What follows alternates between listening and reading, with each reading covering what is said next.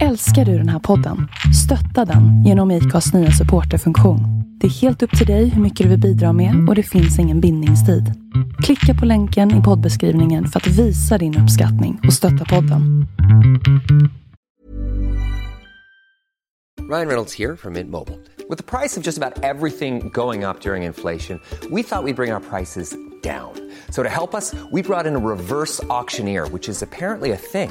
Mint Mobile unlimited premium wireless. Ready to get 30, 30, bit to get 30, bit to get 20, 20, 20, bit to get 20, 20, bit to get 15, 15, 15, 15 just 15 bucks a month. So, Give it a try at mintmobile.com slash switch. $45 upfront for three months plus taxes and fees. Promo rate for new customers for limited time. Unlimited more than 40 gigabytes per month. Slows. Full terms at mintmobile.com.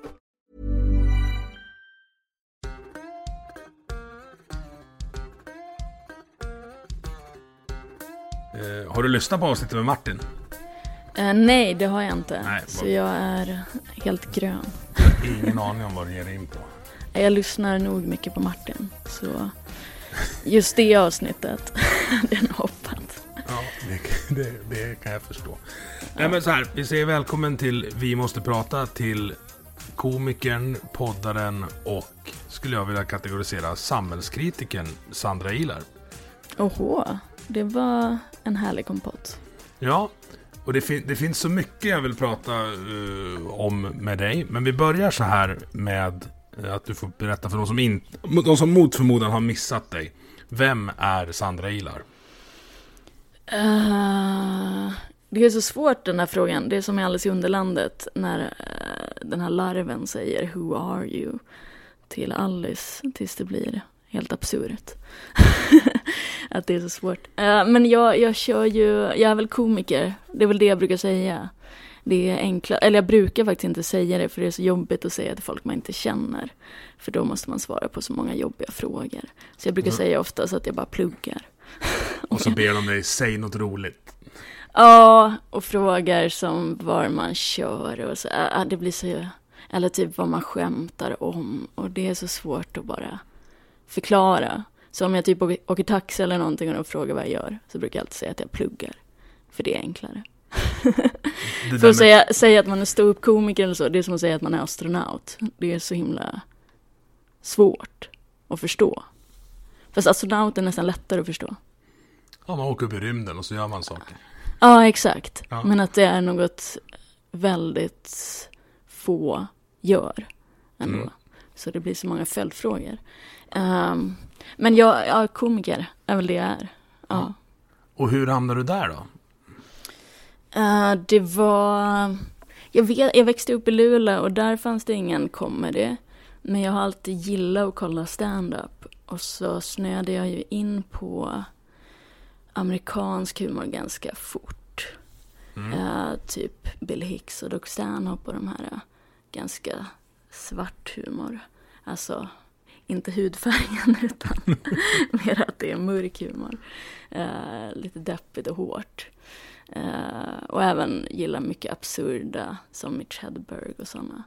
Och började kolla på det, men det tog ett tag innan jag insåg att det där kan ju jag också hålla på med om jag vill. Om jag flyttar. Eh, så då flyttade jag ner till Stockholm när jag var 20 och började köra. Och hur gammal är du nu då? Vad är jag, 32? Ja, så du har kört i över tio år. Ja, men fem år eh, när jag stängde in mig på universitetet. Nej, och inte körde alls. Så. Men hur är det att börja då? Alltså, någonstans. Jag, jag har väl en närt en dröm någon gång om att stå på scen och vara rolig. Eh, Berätta för mig, hur ska jag göra? Ja, alltså jag tycker bara att, alltså det är en fördel att bo i Stockholm, så är det ju. Det här eh, där det finns flest klubbar så att man kan köra regelbundet, för det är väl det viktiga i början. Att bara börja och ta alla jävla gig man får. Och åka eh, till Malung och pröjsa tåget själv och gå back på hela resan. Bara för att stå sju minuter på scen. Alltså den här slitåren. Men jag tycker bara att man ska börja köra. Alltså sticka till ställen som Big Ben som eh, låter där jättemånga gör sina första gig. Och där alla Det är någon slags in. open mic-stuk typ alltså. Ja, fast man bokar in sig. Så det är inte bara att dyka upp. Utan man hör av sig till ägaren. Men alla har möjlighet att få börja där och få en första Första gången man kör är ofta bara tre minuter, vilket låter skitlite. Men det är ganska mycket när man väl sätter sig och börjar skriva och ska tänka ut. Ja, hur lång tid tog det för dig att få ihop de där tre minuterna innan du vågar gå upp?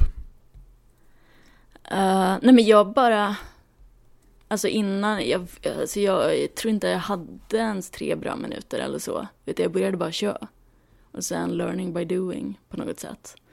För jag minns där i början, alltså det gick inte pissdåligt, men man hade ju någon sån där bombning och sånt där. Men jag skulle säga att det var ganska ljummet. så först, det var varken så succé eller total failure. Men eh, att jag tänkte att så här, jag vet att jag inte vet hur man gör det här nu, men att jag ska lista ut det. Så jag tog det inte så jävla allvarligt. Hur, hur är publiksammansättningen på de kvällarna? Jag kan tänka att det är många eh, som är på väg upp eller har varit uppe på scen som, som hänger där. Eller finns det vanlig, eller vad man ska kalla dem, Svensson-publik som inte är har ja, det gör det. Alltså det är alltid, alltså vissa kvällar om man tar en söndagkväll så kan det vara lite färre folk. Det är ganska lite folk som går ut och dricker bärs en söndagkväll. Uh, men det är alltid en publik att testa skämt på. Även mm. om de ibland kanske bara är tio stycken. Och det är ändå ganska bra jämfört med New York och sånt där när det kan vara bara komiker i publiken på sådana här kvällar. Uh, och så är det alltid många komiker som kör på Big Ben. Så det är ett väldigt bra ställe om man så vill komma in i branschen och börja prata med folk och så få lite polare. För det är många där som är öppen coming eller som kör hårt eller så försöker. Och sen så dyker ju etablerade komiker upp också. Så det är ett bra ställe, som ett kluster för stand-up om man vill lära känna folk. Så det är mm. bra att bara vara där och hänga också kanske, även fast du inte har en spot. Och sen ifall någon inte dyker upp så kan man ta den. Hur är det då att stå på scen framför, jag tänker framför andra komiker som, som verkligen kanske inte bara lyssnar på skämten utan synar hantverket också? Mm. Jag tycker inte det är så jävla jobbigt. Alltså jag tror jag har fördelen av att jag är lite konstig och lite störd. ja, då har vi alltså, någonting så... gemensamt. ja, så uh, jag får för mig att komiker gillar att se vad jag gör av situationen, typ. Eller så. Alltså det är väl tråkigt ifall de har sett ens skämt 40 000 gånger. Men om det bara är komiker i publiken så skulle jag bara köra saker jag aldrig har kört förut. Mm. Alltså så att man får någon form av reaktion och kan testa premisser. Ja, berätt, berätta, nu, nu är du inne på fackuttryck, alltså premiss. Hur, hur bygger du upp det? Uh, kanske om jag bara har en tanke. Alltså så här, jag har inte själva skämtet uh, någon punchline, men jag har en tanke som jag kanske vill bygga vidare på. Som till exempel, jag har något väldigt oklart som jag skrev upp i morse som är att uh, man brukar säga att det har kommit så många nya namn i Sverige som är så svåra att stava. Typ Amir, jättesvårt. Sådana. Uh, men de namn jag tycker är svårast att stava det är typ sådana som Kristoffer, som mm. alla stavar olika. Thomas också. De var så jävla, ja exakt. Ska det vara någon jävla H där? Eller CH? Eller är det K? Är det PH eller är det F? Så, så bestäm dig. Och att många tar så jävla illa upp när man stavar fel. Så man kan alla bara inte stava Kristoffer på samma sätt. Uh, typ det är en premiss. Som jag inte har jobbat färdigt, men en tanke som kanske då skulle kunna bli en rutin. Målar du in det i ett hörn då? Alltså, skulle du kunna ställa dig på scenen och så bara, nu drar jag igång det här skämtet, så ser jag var fan vi landar någonstans. Mm, jo, men det gör jag ganska ofta. Jag brukar jobba fram material på scen. Mm. Så jag skriver inte ut dem, utan jag kanske skriver en mening eller så. När jag började med stand-up så gjorde jag det ganska ordagrant. Det var därför också det var mycket mer onaturligt i början när jag sa saker. För då tänkte jag ut väldigt tydligt exakt formuleringar. Men nu har jag som bara att jag vet vad punchlinen är ofta. Och så jobbar jag mig fram till den. Och på mm. det sättet kom jag på hur jag skulle säga det på scen. Jag relaterar, jag relaterar mycket till det här. Jag föreläser en del om ADHD och jag gick igenom mitt, mitt första manus nu. Det var på 62 sidor. Och nu, oh, har jag, och nu har jag en A4 med mig och det är samma föreläsning. ja men det är mycket lättare faktiskt. För man är inte lika mycket i skallen då upplever jag. Mm. Om jag inte har sådana där exakta guidelines för hur jag ska göra det. Utan jag vet ungefär hur jag ska komma. Och jag är ändå så hyfsat stabil, jag har så mycket sentid i ryggen så jag tycker inte det är så jobbigt att stå där och vara tyst. Eller så här tänka. Alltså att jag blir så obekväm. Mm. Eh, så det är en fördel också. Vad är det värsta som kan hända då? Är det en, en bombning, det vill säga att ingen, ingen garvar? Eller har det hänt något, något värre? Nej, alltså jag kan tycka just när publiken absolut inte fattar en och inte gillar vad jag gör att det är ganska kul i sig. För det är så absurt att stå och säga sjuka grejer åt folk som de inte vill höra. Och att de bara sitter där och stirrar. Att jag kan tycka situationen i sig är lite kul. Uh, så jag tycker inte det är jätteobekvämt. Kanske ifall det skulle vara någon sån här gig som är jättebra betalt och så blir de besvikna. För att det har gått så dåligt på den kvällen och att publiken inte gillar det. Men uh, samtidigt så är det lite skitsamma. Men uh, det jag tycker är jobbigast är typ ifall jag har varit dålig. Alltså att jag känner det. Mm. Att jag inte var bra. För då är det mer att jag då förtjänar att det gick dåligt. Eller sådär att när det blir mellanmjölk, att det blir varken eller. Varken skitbra eller jättedåligt. Det är såhär bara, uh, äckelstämning. Det, det tycker jag är jobbigare. Jag har sett och tittat eh, mycket och lyssnat på ja, dels eh, podden med Martin, men framförallt typ allt som finns på YouTube med dig. Jag an, anar en utveckling och jag, förstår lite vad du säger när du, när du säger att du är lite störd och konstig. Men det är ändå, det är ändå en ut, du var ju extremt, vad ska jag säga, högljudd i, i, i början. I varje fall de tidigaste klippen jag hittar. Ja, ja verkligen. Och, och när vi pratar, alltså så här, skrek. Inte, inte så bara högljudd, utan verkligen skrek. Vad, vad, hur hittar du den personen? För när man lyssnar på din podd, du är ganska tillbakadragen då och liksom lite Uh, sval, skulle jag vilja säga. ja. Jag skulle säga att det dels bottnar sig nog i att Alltså jag har någonting att bland det roligaste jag tycker är oproportionerlig aggressivitet för små saker. Alltså lite så här svullohumor, gå fram och skrika på en tand som har en hatt. Alltså att det är helt... att eh, det är något så här, bara stört i det, som jag tycker är så jävla kul. Men sen så är det också just på grund av att, alltså ända så jag var liten har jag hört att jag pratar tyst och mumlat. Alltså min mormor har alltid varit tjatat på mig att jag inte kan prata ordentligt.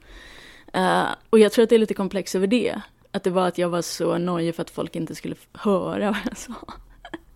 så att jag bara började skrika. Ja.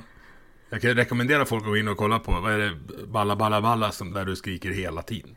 Jag tror det är Läckert som Läckert, ja. har de framproducerade. Ja, det jag skriker nog allra mest. Hur ser, hur ser affärsmodellen ut för en eh, stand-up-komiker då? För man lär ju ha Mm. mat liksom.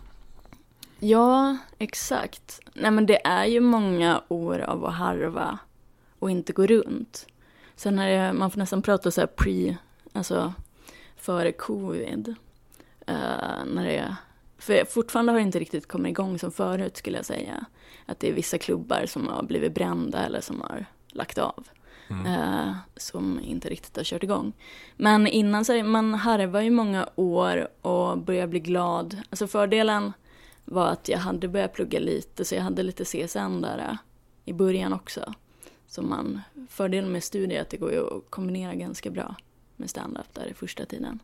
Eh, men att man går kanske plus minus noll så är man glad där i början. Men eh, sen när det börjar rulla på så är det ju, alltså de stora pengarna finns ju i företagsgiggen som jag inte gör då, tyvärr. Och det är mera kanske, vad ska man säga, några brunnkomiker. Alltså sådana som funkar ganska brett. Eh, och mycket observationskomik och sånt där. Eh, och det är ju ett hantverk i sig att bli skicklig på det och kunna ta stiffa företagsfester eh, där folk kanske inte är bekväma i att skratta eller så här jättefulla julbord. Som Men är det typ glans, Batra, Babben-gänget då? Eller vilka tänker du? Eh, Ja, fast jag tror nästan de är för dyra för de flesta företag. Så det finns många så här, alltså för allmänheten okända komiker, men så lever ganska gott på att göra företagsgig. Mm.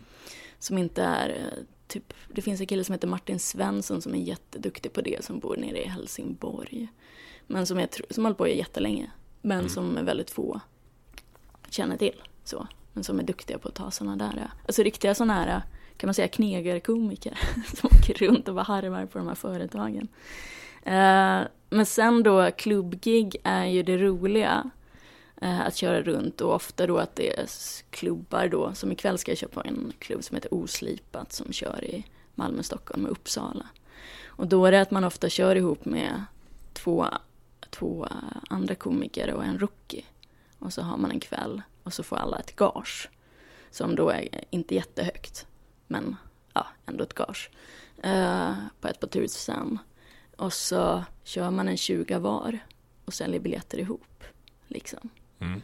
Uh, men de stora pengarna för en själv, förutom då företag, det är att göra turnéer och åka runt med. Och idag så kan man ju, vilket är fint, sälja biljetter själv. Så man slipper ju nästan ha mellanhänder ifall man lägger lite tid på det. Mm. Vad säger, vad säger jag återkommer till Martin då, vad säger han när du, ja men jag ska, jag ska tjäna 2000 spänn här ikväll, det måste han bara skratta åt. Ja, jo men så blir det ju. men det är väl någon form av kompromiss. Alltså min man är likadan, eller han har ju företag så det går ju bra. Men vi är ju ändå så att vi vill hålla på med det vi tycker är skoj. Mm. Han är ju fotograf om jag inte miss... Exakt, ja. och uh, punkmusiker och där finns det ju fan inga pengar. Nej, det är värre det... än stand-up. det är väl en, en, en grej där att inte tjäna pengar. Uh, då har man sålt ut sig om man om man lyckas break even. Men är det så att både du och, eh, vad heter gubben nu, nu glömde jag bort det. Eh, Nico. Nico. Mm. Bägge två verkar i sådana fall vara sådana som har liksom mer ett kall än fokus på en, en karriär. Och sen får man hanka sig fram för att man vill göra det man tycker är kul. Kan det vara en Ja men det analys? skulle jag absolut säga. Och uh, det är ju jävligt stressigt. Alltså jag har ju en ekonomutbildning så jag skulle kunna ta ett kontorsjobb. Uh, om jag hade velat. Men så länge det går runt, typ, så vill jag ju hålla på. Sen har ju inte jag kanske varit smartast när det gäller karriärsmässigt att kunna leva på det. Alltså då ska man väl helst ha en lite snällare humor. och ja, kanske också vara bättre på PR. Jag tycker det är jättejobbigt att göra marknadsföring för mig själv i sociala medier. Och så här mm. hetsa. För det är så jobbigt för man är ju sin egen produkt. På något sätt. Så man, det är typ lättare att sälja in en bra kamera, alltså ett objekt att sitta och pressa. Än ja. att behöva säga så här, kom och se mig, kom och köp biljett. Alltså jag tycker det är pissjobbigt. Så jag önskar att jag vore lite mer hämningslös. Men visst var det därför, eller inte därför men, men om vi springer med den då. Du startade ju ett TikTok-konto här och det vart stök. Berätta. Mm. Uh, eller de fick ju, för jag började med att lägga upp de här gamla klippen när jag verkligen skriker. Och kidsen har ju aldrig sett dem. och de tyckte det var helt sjukt. Så det fick så en jävla spridning. Och väldigt mycket hat. alltså helt sjuka så grejer som små pojkar på 12 år skriver. Som att man, de hoppas man ska bli överkörd av en buss. Och till och med så ringer telefonen och skriker, skriker till min man i telefonen. Alltså det var helt vansinnigt. Och de har ringt dig alltså, TikTok-kidsen? Ja, de ringer fortfarande ibland. Alltså ibland skriker de typ bara balla, balla, balla. Och det är ganska kul. Men ibland så kan de ju verkligen så här bara, bara så här, det suger bara så att du vet det. Alltså de ringer och bara ska vara otrevliga. Uh, och sen ja, du får ju så... gratis material av dem. Det här blir ju jättebra att, ja, att dra på scen ja. sen, tänker jag. ja. ja, men det som är lite kul, för de har ju inte förstått att det är jättegamla klipp heller.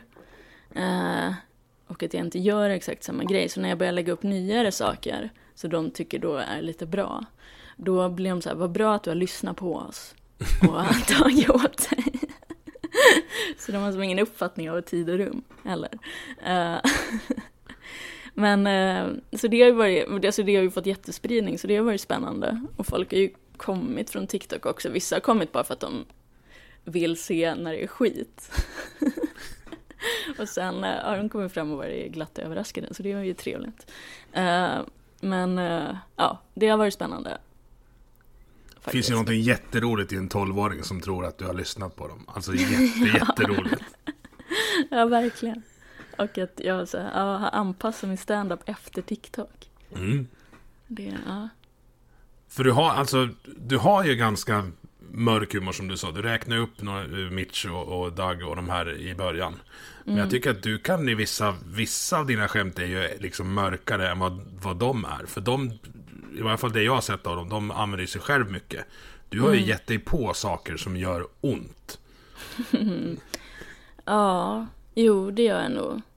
Och det är, ja, alltså jag kan förstå att folk kan tycka att det är olämpligt ibland. På något Mm. sätt. Men samtidigt så gör jag det för att det är saker jag tycker är jobbigt.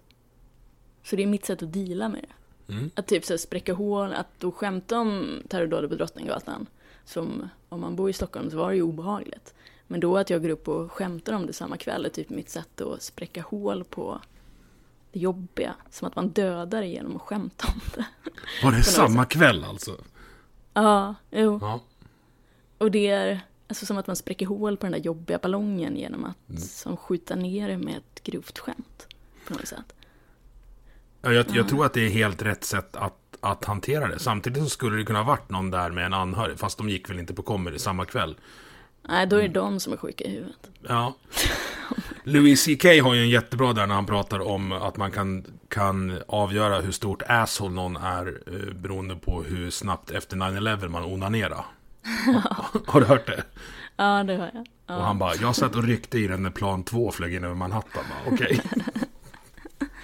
Jag har faktiskt en kompis som runkade när flasherna började komma om Drottninggatan. Alltså fortsatte han. För att han tänkte jag gör klart det här först. Men- och så, ja. Men nog om Aron. Eh, Nej, det tror jag inte att det var kanske. Vi, ska inte, vi säger inte vem det var. Nej men så här, det, är ju så att en del saker, Schyffert säger det i 90 sätt försvarstal, att en del saker är så jobbiga för människorna att, att hantera, att man bara kan hantera dem genom att skämta om dem. Och när jag läser om, om så här koncentrationsläger, så är det ju många koncentrationslägeröverlevare som, för, som förklarar att de överlevde tack vare att de skrattade sig igenom det. Jo, exakt. Och jag vet, jag har sett något föredrag som är ganska bra med John Cleese. där Han pratar om att det är en skillnad mellan att ta, att vara seriös och att ta saker på allvar.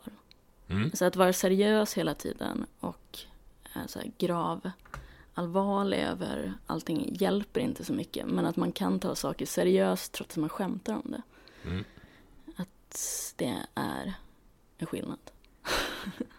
Och det där är väl kanske en av de tröttaste diskussionerna som jag kan tänka mig att du får ta i taxin om du råkar nämna vad du jobbar med egentligen. Det här, Mm. kan man skämta om allt? Och svaret är bara ja, det kan man. Ja, Men det, behöver, det är inte säkert att allting blir roligt. Nej, och det, och det är som man får ta konsekvenserna av det också. Så, ja. För jag blir så här, jag kan tycka det är fittigt av folk som kanske stör en show. Alltså ska börja skrika ut sin åsikt eller så här, tyst, du får inte skämta om det där. Eh, men jag kan respektera någon som bara sitter tyst och inte skrattar för att den inte tycker det är kul. För det behöver den inte tycka. Eller om man bara kanske reser sig upp och går utan att störa någon. För det tycker jag man har lika rätt till som att jag har rätt att stå och skämta om det. Och så köper de förmodligen inte en biljett till dig igen. Och det är ju okej. Alla, Ja, inte gå, alla ska inte tvingas att gå och se Sandra gillar. Nej, men så länge man inte förstör för de som faktiskt gillar det och kanske fattar det så är det lugnt. Ja, för jag vill, jag vill hänga kvar där lite, för det finns ju de av oss. Jag är en av dem som alltså gillar när folk driver med saker som kanske gör ont. Även driver med saker som ligger nära mig. Och som liksom stoppar in fingret i ett sår och inte bara rör om utan bara vevar så mycket det går. Och ska inte jag då ha rätt att få tillgång till den humorn jag vill för att någon eventuellt kan ta illa vid sig? Jo men exakt, så är det ju. Och det är ju också på något sätt att man har ju valt det sammanhanget. Vi går in i ett rum där vi har bestämt att allt som sägs här inne är skämt. Och att det är stand-up. För det jag skulle stå och säga på scenen skulle jag inte stå och skrika till ett mongo på gatan. Alltså, det enda att jag har den förståelsen för att det jag säger nu är ett skämt. I det. Annars vore det ett psykfall. Eller bara, jag körde i huvudet. Att jag vet ju att alla som är här inne förhoppningsvis har förstått rummets premiss. Men så är det ju inte. Alltså det har ju blivit mer och mer... Eh, i, I England så har de startat något som heter Comedy Unleashed. Där de, där de verkligen går ut med innan att här är det mörkt, här är det, här är det raj, raj, här är det... Som du säger, premissen för det här är att här inne kan det skämtas om precis allt. Ja, exakt. Och, att jag tycker att det ska räcka med att det står comedy någonstans för att folk ska fatta det. Men det gör ju inte folk. Nej, men jag tror att alltså, många svenskar, det är väl Magnus de har sett framförallt som är lite mörkare. Men ändå, alltså Magnus Betnér då. Jo, men jämför han med, med som du säger, Mitch Hedberg och, och de här, då är ju Betnér är ju Björnes magasin.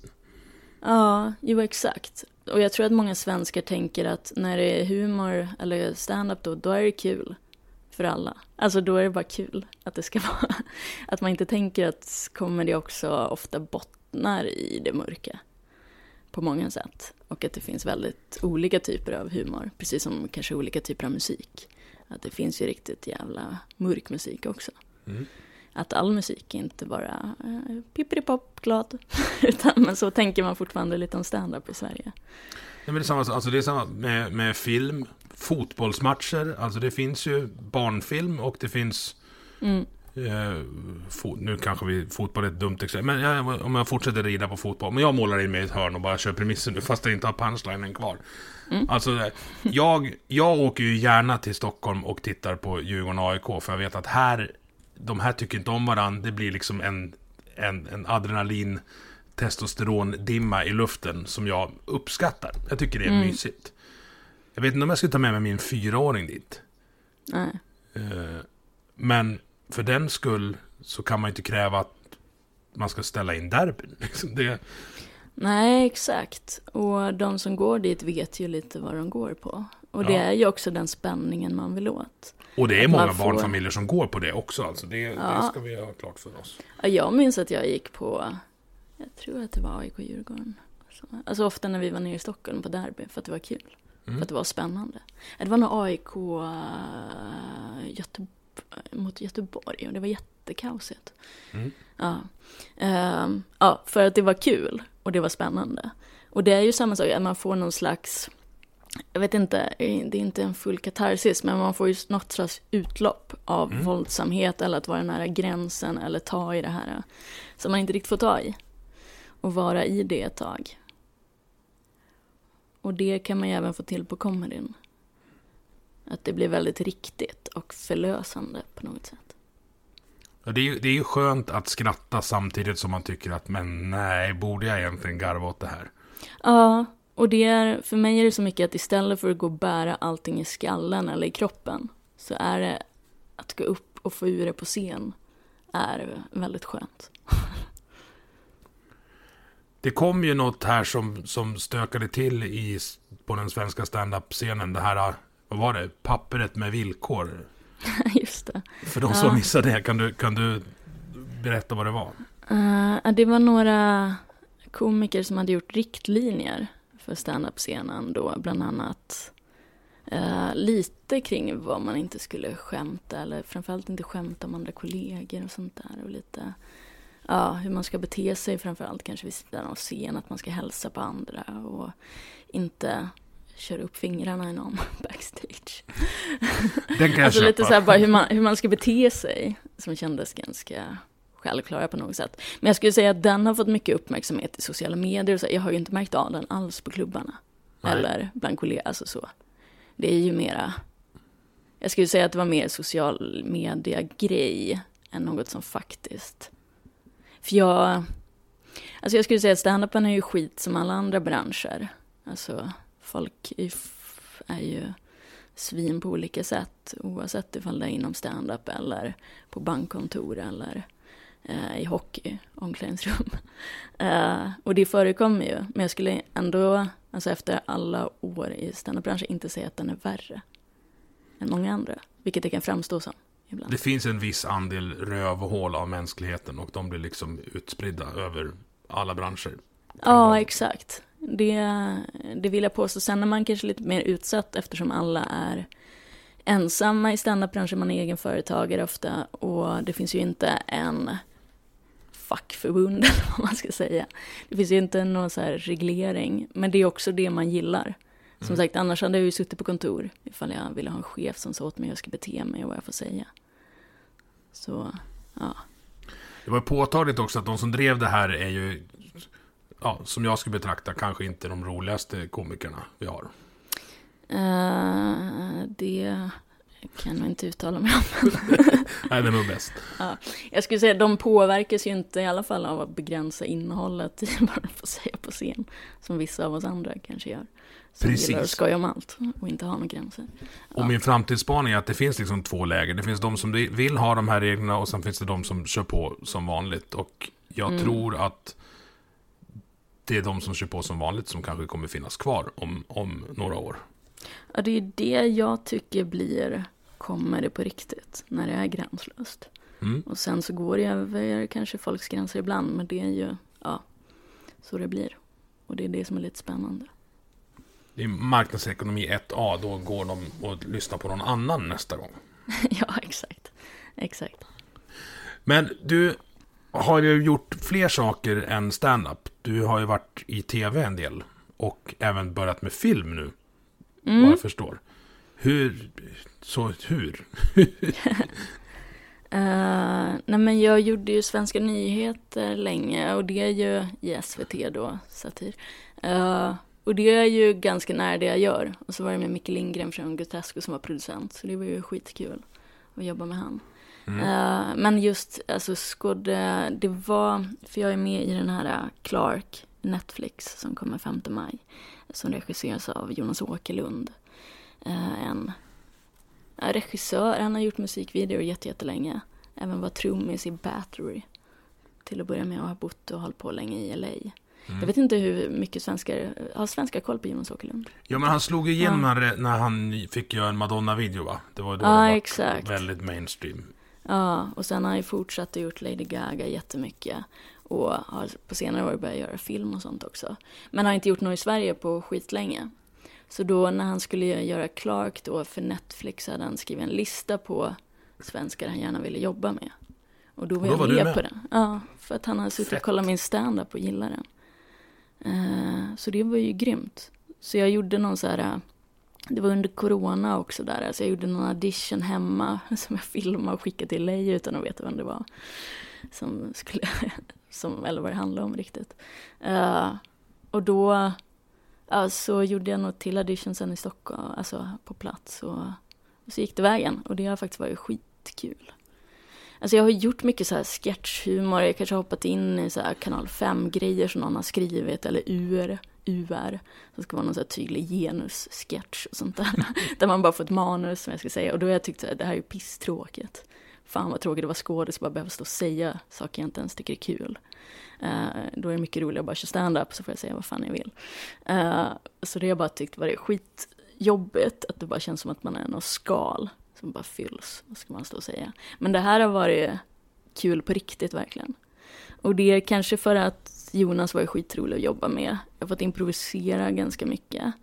Eh, men också att manuset är ju så mycket bättre än de där UR-sketcherna. Så det har varit roligare.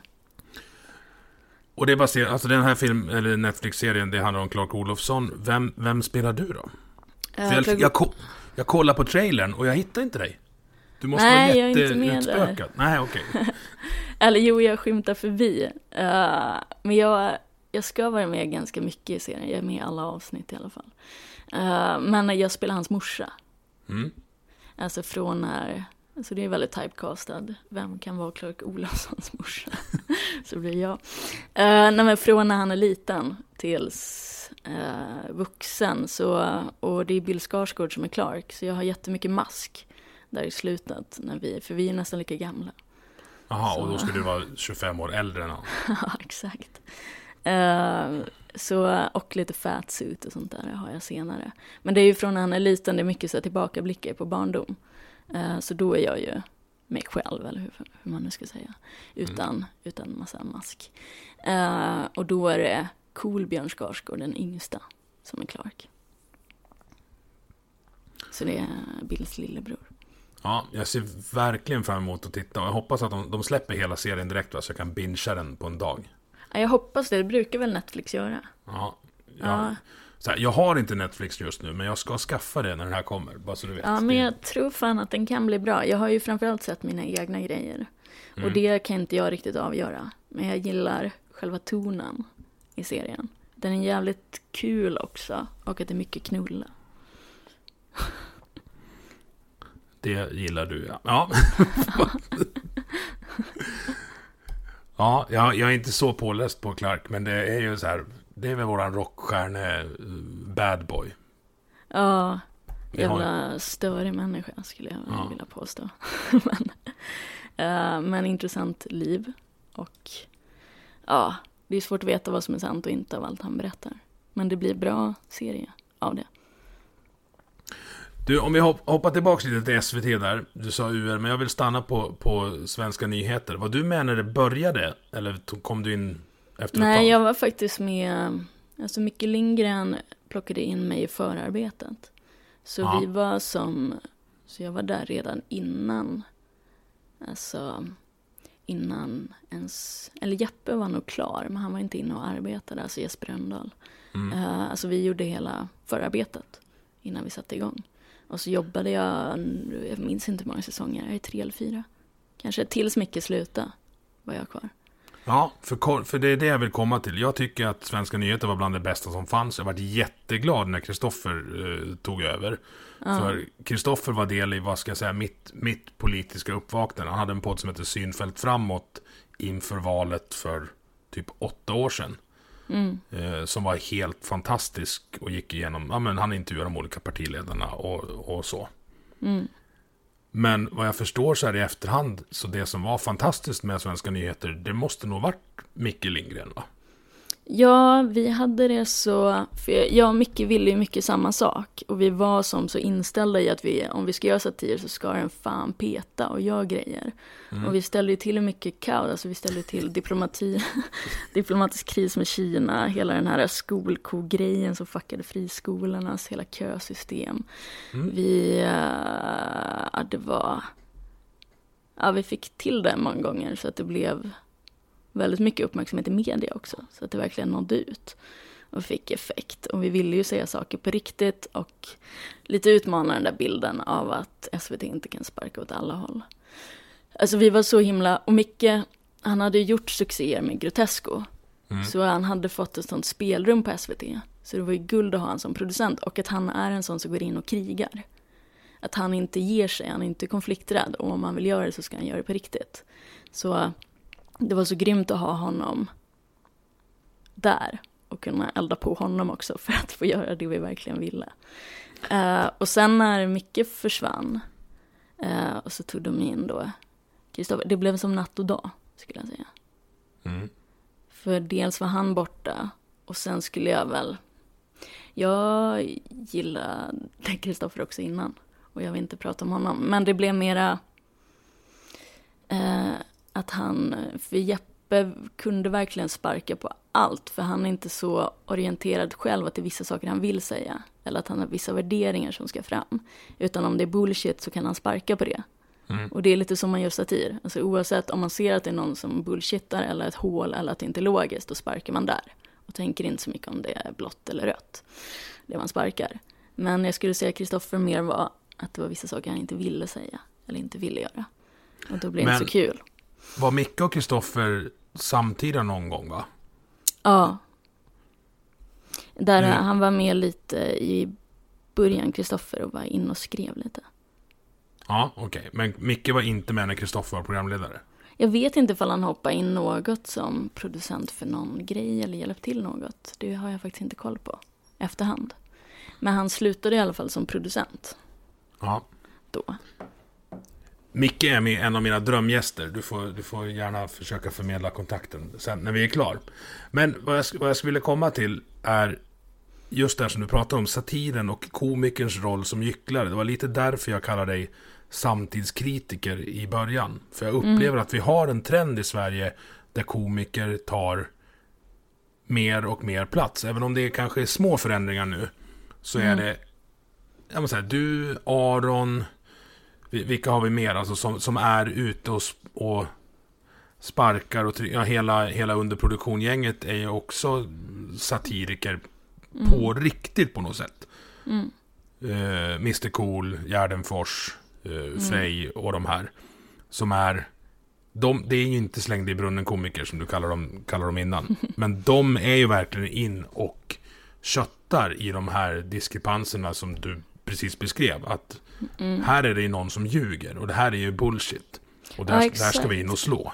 Och det är det som om man ska ta till trickster-myten eller den personen så är det ju att man går in dels lite för att skapa någon form av kaos för att få folk att börja tänka. Men det är också det här att, man, att publiken inte ska veta vad de har än. Mm. Utan man byter ju fot så fort de tror att de förstår en. Mm. Och det är inte bara för sakens skull, utan för att då kanske man börjar sparka på någonting som plötsligt var heligt för dem. Alltså för att det också är bullshit. Att publiken inte vet vad de har än, alltid. Och det blir ju av att man inte är partipolitisk, så jag sympatiserar ju varken med höger eller vänster. Utan jag brukar bara rösta på det jag tycker är minst idiotiskt för stunden, på något Mm. sätt.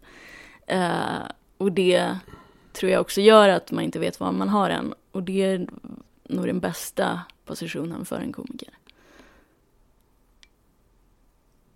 För det ger ju också fri, friheten att kunna sparka på allt. Ja, och i ett, i ett land eller ett samhälle som, som börjar tysta komiker. Mm. Det är så här lite kanariefågel i gruvan-grejen att b- börjar man sätta restriktioner på vad folk får skämta om, då kommer man börja sätta restriktioner på vad folk får prata om. Det är, i, det är en rak lin, linjär följd. Mm. Jo, och det är ju så. Och sen så har jag på något sätt, i och med att jag tar på mig komikerhatten, har jag också tagit av mig rätten att säga att ni måste ta mig på allvar. Mm. Men har då friheten att då får jag säga vad fan jag vill. Ja, och det är en ganska stor frihet. För... Ja, men så här, ta, det här, ta inte det på allvar. Det gör ju att du kan säga vad som helst. Mm. Jo, Och- exakt. Och det är ju, alltså jag ju mycket hellre den rollen. Även om, alltså den har ju makt också på något sätt. Men det är ju inte politisk makt som en partipolitiker. Men det, den rollen hade jag aldrig velat ha. Nej, men du säger inte åt folk vad de ska rösta på, Nej. men du kan ju få dem att kanske eventuellt tänka i en liten annan bana än vad de har gjort innan. Sen behöver inte det betyda att de håller med när de tänker den banan, men just att man Mm. tvingar folk utanför eh, vardagen på något sätt. Ja men lite så här väcka skallen. Att jag vill Mm. inte se åt vad folk ska rösta på eller vad så här, det skiter jag fan i. Men att de börjar tänka. Och kanske call bullshit. Att det, ja. Och att ibland så slår den sparken åt höger och ibland åt vänster. Det är inte det som är relevant utan det är relevant att man bara sparkar. Det är väldigt, väldigt punkigt. Och, Ja. ja men det är lite besläktat med punk. Det är väl på många sätt. Även om punken är ofta ganska vänster. Eh, men eh, den är ju, det är ofta ganska roliga texter med poänger. Mm. Så, så ja, så det finns en viss besläkthet i det. Ja, jag skulle säga att det kanske inte är höger och vänster, utan det är mer upp och ner. Alltså att man sparkar mot Mm. de som bestämmer, eller de som försöker bestämma, eh, oavsett vem det är. Mm. Eh, Jo. Det finns, undrar om det är någon, det är en sån här libertariansk affisch, typ Make yourself ungovernable. Det tycker jag är, det, det tycker jag är bra. Du, eh, vi ska prata lite ADHD avslutningsvis också. För det Mm. är vi tydligen bestyckade med bägge två. Hur, eh, så här, hur gick det till när du insåg det? Hur gammal var du och hur påverkade det framförallt, om vi säger barndomen först, uppe i Luleå? Det känns som Norrland är inte så dampigt. Norrland för mig det är liksom så här långsamt tills man hamnar på Cleo och klockan slår halv ett. Då jävlar släpper det loss. Ja, ja men lite. Eller när det är hockey. Det är, Ja. då, det, är då det händer. Uh, nej men det, mm, eh, jag skulle säga, det är lite svårt, för det går ju också, alltså jag tycker det är lite genus, i alla fall när jag växte upp i Norrbotten och det var eh, 90-2000-tal där, jag är född 88, att det var så tydligt, i alla fall i min klass, vad tjejer och killar var. Och tjejerna var väldigt duktiga och killarna hade mycket mera utrymme. Eh, Så det, den bilden jag hade av dampungen när jag var liten, det var ju den som låg på backen och skrek. Eller slog ner någon annan kille på rasten. Mm. Så Det var det mig alltså. damp. Ja, Det var jag. Ja, ja, exakt. Det finns ju den här utåtagerande. Eh, men jag var alltid, för det var sånt lock på, men jag var ju mycket mer kaosig hemma. Och Mm. när jag bara var med mina kompisar. Att då, och att jag alltid har haft, att jag verkligen kan explodera över saker eller låsa mig helt också. Eh, och jag, jag kan verkligen inte göra saker jag inte vill. Det går som inte. Eh, och det, jag kunde som få fixa idéer när jag var liten att jag inte ville gå in i huset och så kunde jag sitta ute på verandan till mamma och pappa kom hem. Fastän det var minus 27. Att jag bara Okej. så här, ja nej, jag ska inte gå in. Och så satt jag hade ytterdörren öppen också. Så att det blev jättekallt i huset. Så, så mina föräldrar blev inte så glada över det. Men att jag kunde få sådana här störda saker för mig. För jag har ju också kombo med lite autism. Mm. Den härliga kompotten. Eh, så, eh, och det var ju så, jag tänkte som inte att det var ADHD när jag var liten. Utan det var först det senare år när jag hörde om att ADHD behöver inte vara alltså att man är kaos ute bland folk. Alltså det är många som hittar olika taktiker för att, men jag var ju verkligen så att jag kunde gå på lektioner och inte ha tagit in ett ord. För att det var Mm. ointressant att sitta längst bak och vicka på stolen, även om jag höll käften. Eh, samma sak, alltså att huvudet aldrig lägger av och har jättesvårt att sitta still långa perioder. Eh, men då hade jag ju så olika taktiker för att hantera det på något sätt. Och det var först senare som jag fattade att det är ju också ADHD. Mm. Även om man inte är kaos alltid. Den första taktiken jag hittade som funkade var ju folköl. Ja, då var det tyst. Ja, men det är många som, eh, som tar till det där. Det är ju jättevanligt med självmedicinering med alla möjliga sorters, eh, inte bara droger utan liksom tyngdlyftning och löpning Ja. och Ja, men jag hade mycket träning eller så, alltså för att få ett lugn. Alltså man har någonting som man överdriver. Så bara för att få lite tyst i Mm. huvudet. Eh, jag drack ju inte, eller jag började dricka väldigt sent. Och jag tror lite för att jag vet att man kan ha tendenser till missbruk just med min personlighet. Så jag är nog lite rädd för alkohol också. Men vad är sent i, i alltså så här, vad är en sen alkoholdebut i Luleå för någon som är född mitten 80-talet? Men jag tror nog debuten ganska normalt, alltså så här 15, kanske 14. Eh, sådär, och tog några så här, tonårsfyller bara. Eh, men sen så tog jag ett uppehåll och så började jag dricka igen när jag var 28. Alltså för att jag inte ville slösa tid på det, typ. Mm. Eh, lite så här besatt autisttanke också, att jag bara ska fokusera på göra vettiga saker. Så jag var ju väldigt så här strikt och träffade knappt folk mellan 22 till 27. Och Var det samtidigt som du pluggade? Ja. Ja. exakt. Och så var i England och sånt där och bara verkligen satt in och skrev, pluggade och läste böcker. För att jag tänkte att det var viktigt. Så jag kan som bli så här besatt av vissa saker och göra det till extrem. Eh, och så, men det var ju först när jag var 30 typ som jag gjorde utredningen. Och Mm. lite för att, om vi tar vår kära avlidne Soran Ismail, så, så hörde jag han sitta och prata, han hade gjort utredning. Eh, och han har ju alltid känt, alltså nu i efterhand kanske man inte tänker så, men eh, som en ganska lugn person. Han brusar ju sällan upp och är. Och så hade han gjort en utredning och så berättade han när han tog medicinen att det för första gången var att han kunde göra en sak i taget. Mm. Och att han fick tyst i huvudet, alltså tystare.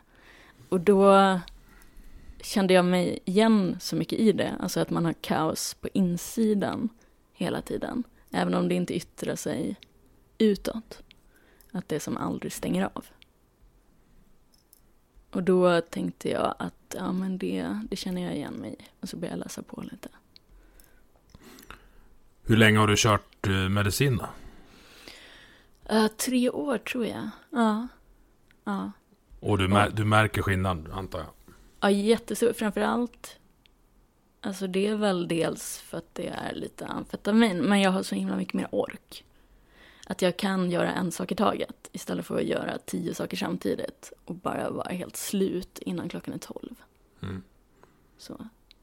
Kan du även göra tråkiga saker? Du sa att, att det blir lättare att göra tråkiga saker då? Ja, lite i alla fall. Jag har fortfarande ganska svårt för det. De är fortfarande tråkiga, men de, man, ja. Ja, det är de Ja. ju oavsett. Men jag kan ha så här att jag vet, till exempel på morgonen efter frukost, jag kan inte sätta mig och börja jobba. Utan jag måste hålla på med grejer och röra på mig. Alltså typ Mm. så här börja städa och så innan jag kan sätta mig. Och då kan jag sitta ett tag. Så jag har mycket så här kropp, alltså oro, rastlöshet. Ja, För jag har kört medicin i nio dagar nu. Och jag märker ju också en jävla skillnad. Framförallt på förmiddagen. Sen Mm. är jag, gans, jag är ganska stor kille och går på minimidosen. Så den går ju ur typ vid två. Mm. Och då märker jag att det blir ju ingenting gjort efter klockan två. Nej, då blir det istället mos i Ja. huvudet. Men eh, det är ju sånt som man kan reglera efterhand då. När du Ja, känner de ska- att den har ska- effekt. Vi ska ta blodtryck och sen öka Ja. nu. Får se. Det ska bli, det, alltså det är spännande. Det är som, Ja. som, ja men något slags uppvaknande. Ja men verkligen, och bara den här piggheten tycker jag är det stora. Mm. Att jag, och det här känna ett visst lugn och kunna sitta. Eh, vilken är det du har fått? Ja, det tror jag inte vi ska säga. Nej, okej. Eh, Men det är, någon, det är en av de vanliga. Ja, Eh, Men jag, jag, här, jag, förs, jag var lite rädd innan. Mm. Eh, Jag fick diagnosen för typ 10 år sedan. mm, Också i 30-årsåldern. Då. Eh, Men som du sa, också det här beroendepersonligheten. mm, Går, ju, går ju hand i hand med det här. Så jag har liksom undvikit. Men sen har jag börjat prata med folk som har börjat medicinera i vuxen ålder. Och de säger klart och tydligt att man sänker svårighetsgraden på livet. Alltså det blir en enklare bana. mm. Om man har tv-spelsanalogin. Och Ja, det verkligen. är jag intresserad av. För jag vet inte vad jag skulle kunna åstadkomma ifall allting vart lite lättare. Ja. Nej men för det är så mycket tid som jag känner i efterhand som man har lagt på, på att bara så försöka få saker att funka. Mm. Alltså som till exempel när jag pluggade på universitetet så, så jag, när jag väl börjar med grejer så gör jag det bra. Du fick väl också göra någon så här intelligenstest och Ja, att man eh, hade högre än genomsnitt. Men just då att de skriver i utredningen bland annat att det tar ett tag innan jag får det gjort. Mm. Att jag gör tusen saker innan och sen sitter jag ett tag och så gör jag allting jättefort. Och så blir det rätt. Vet så, att det kan ta flera dagar eh, för mig att få en uppgift bara. Men jag måste sitta jätte- jättemycket för att få ner det jag får ner. Att jag så började sitta i 45 minuters pass hela dagar. mm. Och då, eh, att det går jättesakta. Men att det blir bra. Du vet så. Men att jag då hittar så taktiker, så här 45 minuters gång, jag måste stå upp och röra mig en kvart, 45 minuter sitta, alltså så här. Så mycket man har lagt tid på att tackla problemen. Och så här, just att jag har de här låsningarna, att jag inte kan göra vissa saker. Om det inte blir som jag vill. Så det är så mycket planerande. Jag känner verkligen, känner verkligen igen det där. Jag, jag kategoriserar det som att jag kan liksom en uppgift som tar, som skulle ta en timme att göra. Mm. Kan jag liksom lägga tre dagar på att tänka på hur jag ska få ner det till 45 minuter. Ja, ja. Istället för att bara fucking gör det liksom. Ja, och när jag väl sätter igång så går det bra. Det går jätte. Men det är bara hela det här runt om. Att bara få mig att sitta och skriva det där. tar så himla mycket energi. Och ångest på något sätt. Uh, så sådana saker. Och att jag, man märker när man kan fokusera och inte.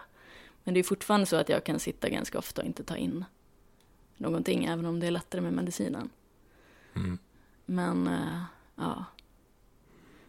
Hur har det varit med sömnen för dig? För det brukar ju vara ett problem både före och efter att man börjar med medicin. Um, alltså det har varit okej. Alltså jag har alltid haft lite svårt att sova. Eh, och så försöker jag då ta det en, alltså inte efter 12 medicinen. Ehm, Men jag har haft de här eh, melatonintabletterna som är ganska snälla. Eh, och som fungerar bra för många med ADHD. Så det är ju bara lite melatonin. Så det är väldigt snäll sömnmedicin. Som gör en lite lugnare och man är inte så trött dagen efter på den heller. Men de har tagit bort den från högkostnadsskyddet. Mhm. Så det har så snällt. här blivit, ja exakt, kaos för jättemånga för den är ganska dyr. Så här 500 spänn burken. Eh, förhoppningsvis tar de tillbaka det, för det är, ja. Men den har funkat ganska bra i kombination. Eh, men sen Vi- är jag så att jag ofta vaknar flera gånger per natt och är lite stissig. Min problematik det är, att, det är att komma till sängen. Alltså, Mm. det är ju sjukt vad intressanta ointressanta klipp på YouTube är alltid efter 11 på kvällen. Ja, men jag är ofta, alltså jag är ofta ute och giggar på kvällen. Mm. Eh, och det är ju lite för att man är uppe i varv då. Så det är svårt att veta vad som är vad. Eh, men sen så har jag ofta, jag gillar inte kvällar. Det är mycket ångest.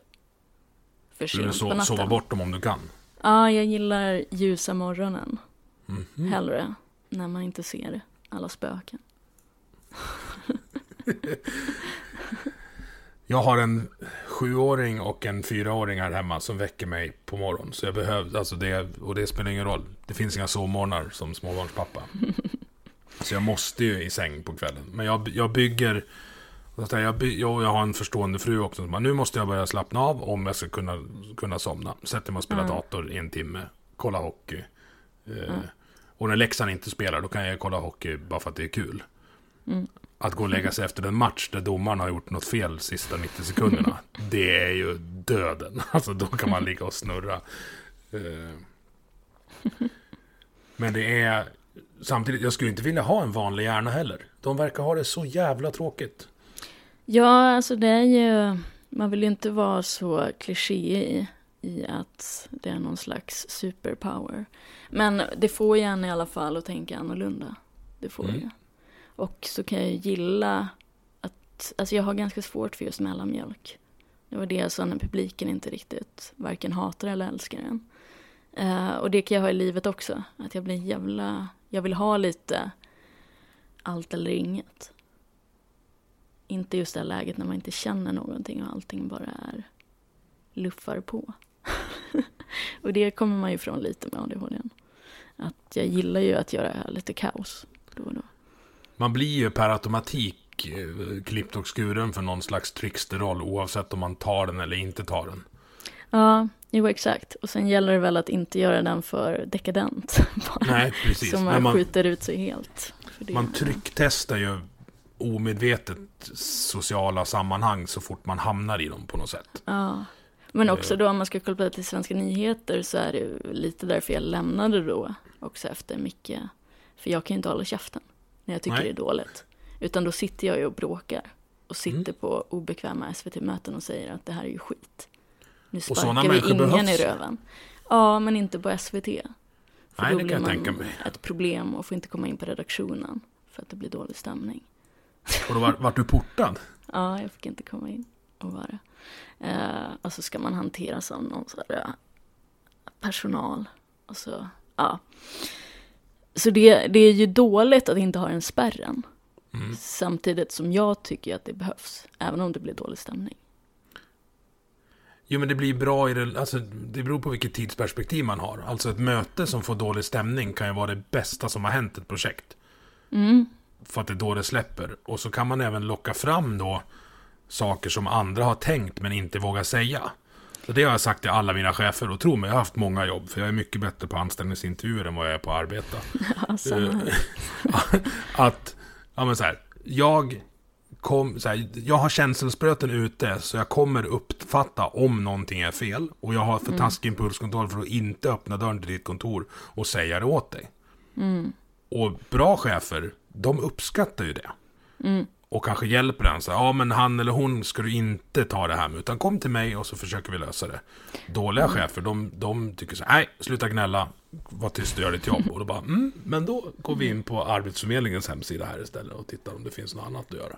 Ja men verkligen, för när det då var med Micke Lindgren, om man tar det, så var ju det uppskattat att det är högt i tak, för det är då vi kommer på de bra grejerna.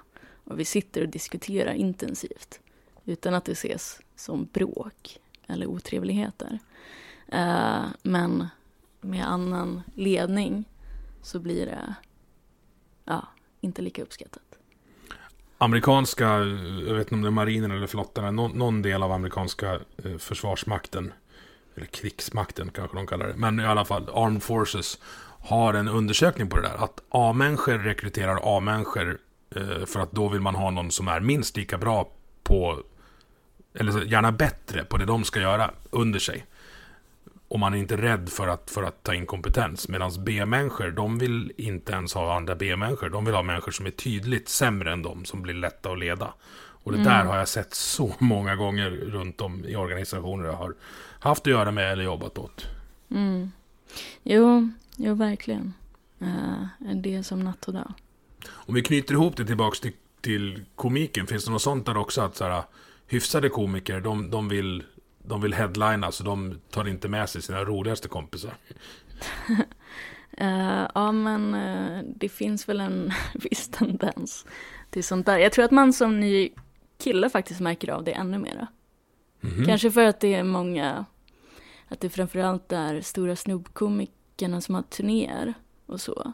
Men, Stora eh, snubbkomikerna, är det ett, är det ett begrepp? Nej, det var nog bara som jag sa nu. Men till exempel, um, som, uh, jag har en kompis som, jag kan inte säga namnen på men som då uppfattar en äldre manlig komiker helt annorlunda än vad jag gjorde. Jag uppfattar honom som väldigt så här, trevlig, uppmuntrande och så. Men han sa sen att han är en sån himla alfa mot andra killar, vilket jag inte märker. Att han ofta ska mm. alltid ha sista punchen om de börjar skämta. Och ofta så markera revir på ett sätt mot andra uh, unga killar som jag inte märker. Mm. Så jag tror att, alltså någonting med att det framförallt märks mellan mer etablerade killar och up and coming killar än som tjej i branschen. För jag anses mer ofarlig för de här. Att jag inte konkurrerar om samma revir riktigt. Mm. Ja, men det låter ungefär i, som en stand-up branschifiering av ABC-teorin ja, ja, men lite så. Sen finns det väl vissa som har med sig sina polare och så bara för att man tycker om att hänga med dem. Uh, men... Så får man ju också göra. Alltså det behöver inte vara fel. Uh, men mm. om, man, om man gör det under förevändningen att det är något annat. Då, mm. Då kommer ju du inte kunna låta bli att säga det antar jag. Nej, nej, det har jag svårt för. du, vem är roligast i svensk standup just nu? Hmm, bra fråga. Uh... Ja du. Jag vet inte riktigt. Det är... Vem garvar jag mest åt? Mm. Om jag tar så bara. Alltså jag tänker inte karriärsmässiga. Alltså det... Men det är ju så många som folk inte vet vilka de är. Ja, men jag tänkte jag att då ser. kan du berätta så kan vi titta. Ja. Så kan de, folk ut och googla och titta. Alltså jag vet inte ens om han finns på nätet. Nej. Det är en gubbe som heter, eller gubbe, alltså han har blivit gammal nu, men han heter Alireza Shuk och bor i Hallonbergen. Han har haft lite så försökt starta poddar och så. Uh, jättefantastisk och en vän. Men han är så himla konstig på scenen på ett sätt.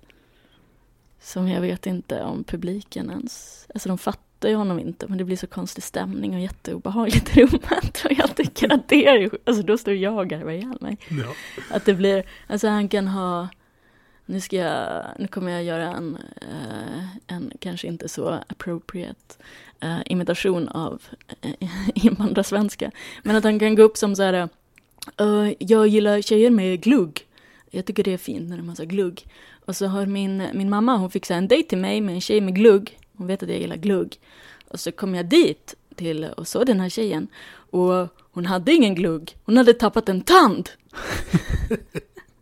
Alltså, och så är det hela skämtet och så blir det så konstigt. Ja, jag tycker också det är jättekul. Men det blir, och ibland så säger han jätte så obekväma saker som, ja, som uh, känns väldigt rapey på scen. Men jag tycker att det blir så kul. ja, han är härlig. Vad hette han så då? Ali Reza?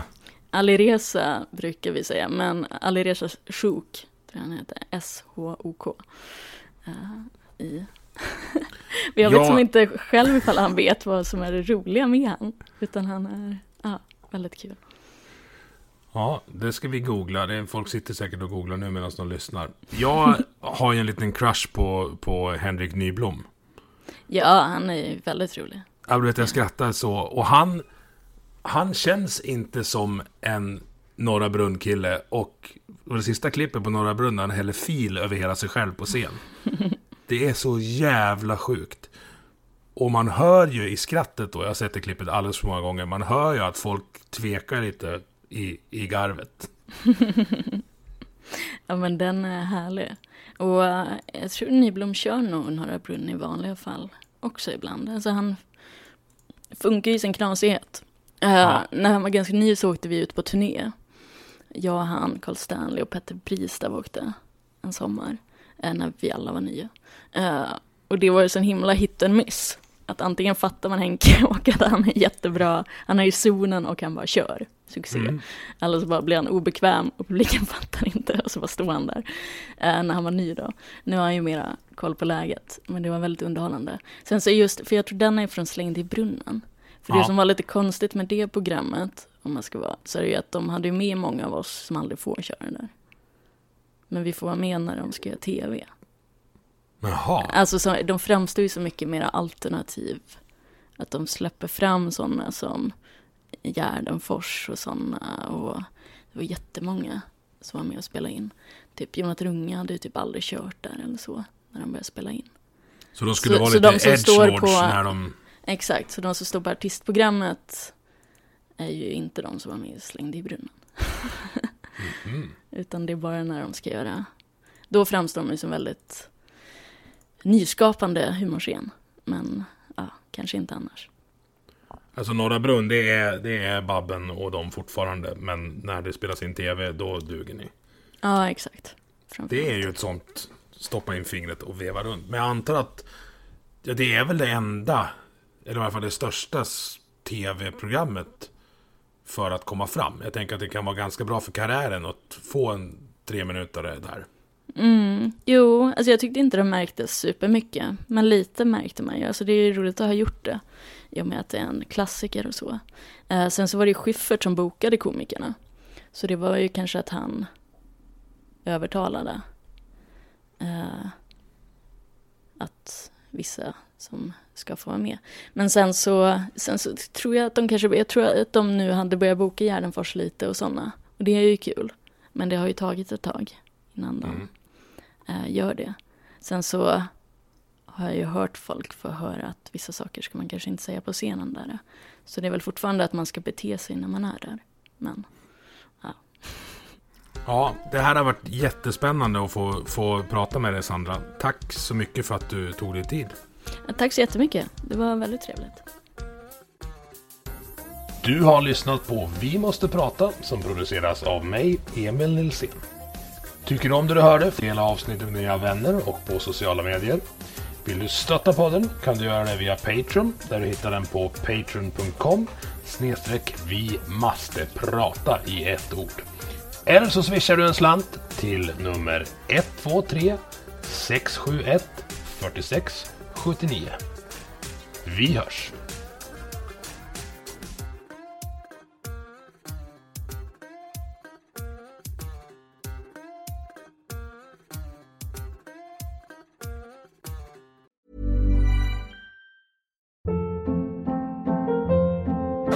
Hold up. What was that? Boring. No flavor. That was as bad as those leftovers you ate all week. Kiki Palmer here, and it's time to say hello to something fresh and guilt-free. Hello Fresh. Jazz up dinner with pecan-crusted chicken or garlic butter shrimp scampi. Now that's music to my mouth. Hello Fresh. Let's get this dinner party started. Discover all the delicious possibilities at hellofresh.com.